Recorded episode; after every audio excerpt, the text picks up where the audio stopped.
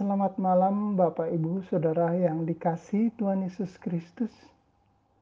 Bacaan Alkitab pada malam hari ini terambil dari kitab Keluaran pasal 6 ayat 27 sampai dengan pasal 7 ayat 7.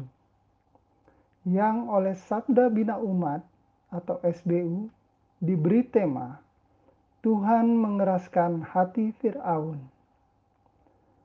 Bacaan ini bercerita tentang tugas dan panggilan Musa yang Tuhan perintahkan kepada Musa untuk menghadap Firaun dan memberitahukannya agar Firaun melepaskan bangsa Israel untuk keluar dari tanah Mesir. Dalam tugas ini, sekalipun Musa masih ragu di hadapan Tuhan dengan mengakui kelemahan dalam dirinya, bahwa dia tidak petah lidah atau tidak sanggup bicara. Dengan kata lain, merasa takut, takut mengalami kegagalan.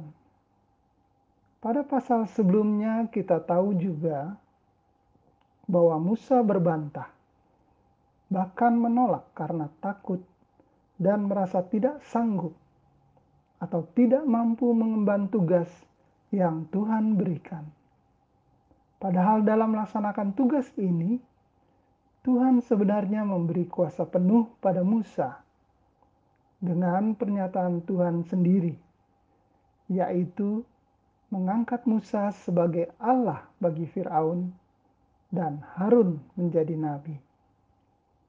Di sini pertarungan telah dimulai yaitu pertarungan antara Tuhan Allah Israel melawan dewa-dewa Mesir yang disembah Firaun, di mana Musa dan Harun sebagai alat Tuhan yang dipakai Tuhan untuk mendemonstrasikan kekuatan dan kebesaran Tuhan, sekaligus menunjukkan kelemahan dan ketidakberdayaan Firaun yang tirani serta kejam itu beserta dewa-dewanya. Oleh sebab itu, sebetulnya Musa dan Harun tidak perlu takut gagal.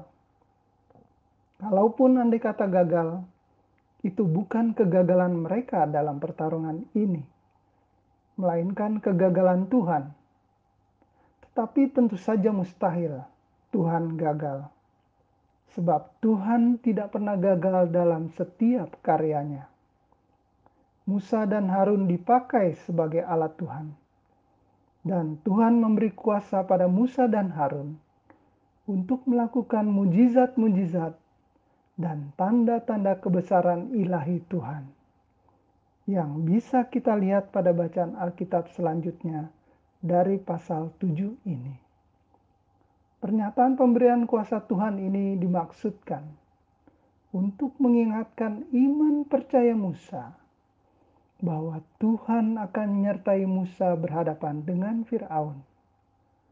Tuhan juga berfirman bahwa Tuhan akan mengeraskan hati Firaun sehingga Tuhan akan memperbanyak tanda-tanda dan mujizat-mujizat yang dibuat di Mesir.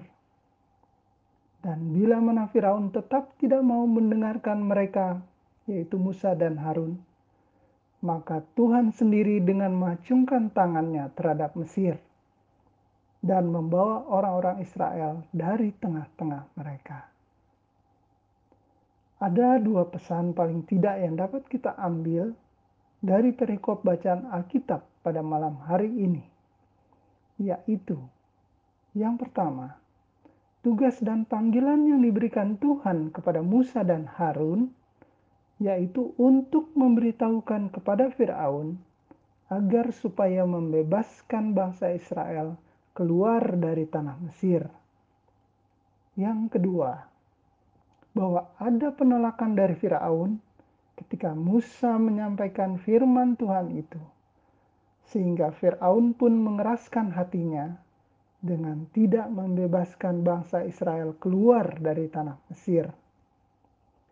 Bapak Ibu, Saudara yang terkasih di dalam Yesus Kristus, pengajaran yang kita dapat dari bahan bacaan Alkitab untuk kita saat ini, bahwa dalam kehidupan ini terkadang kita lupa bahkan mengabaikan ajaran firman Tuhan dalam kehidupan sehari-hari kita.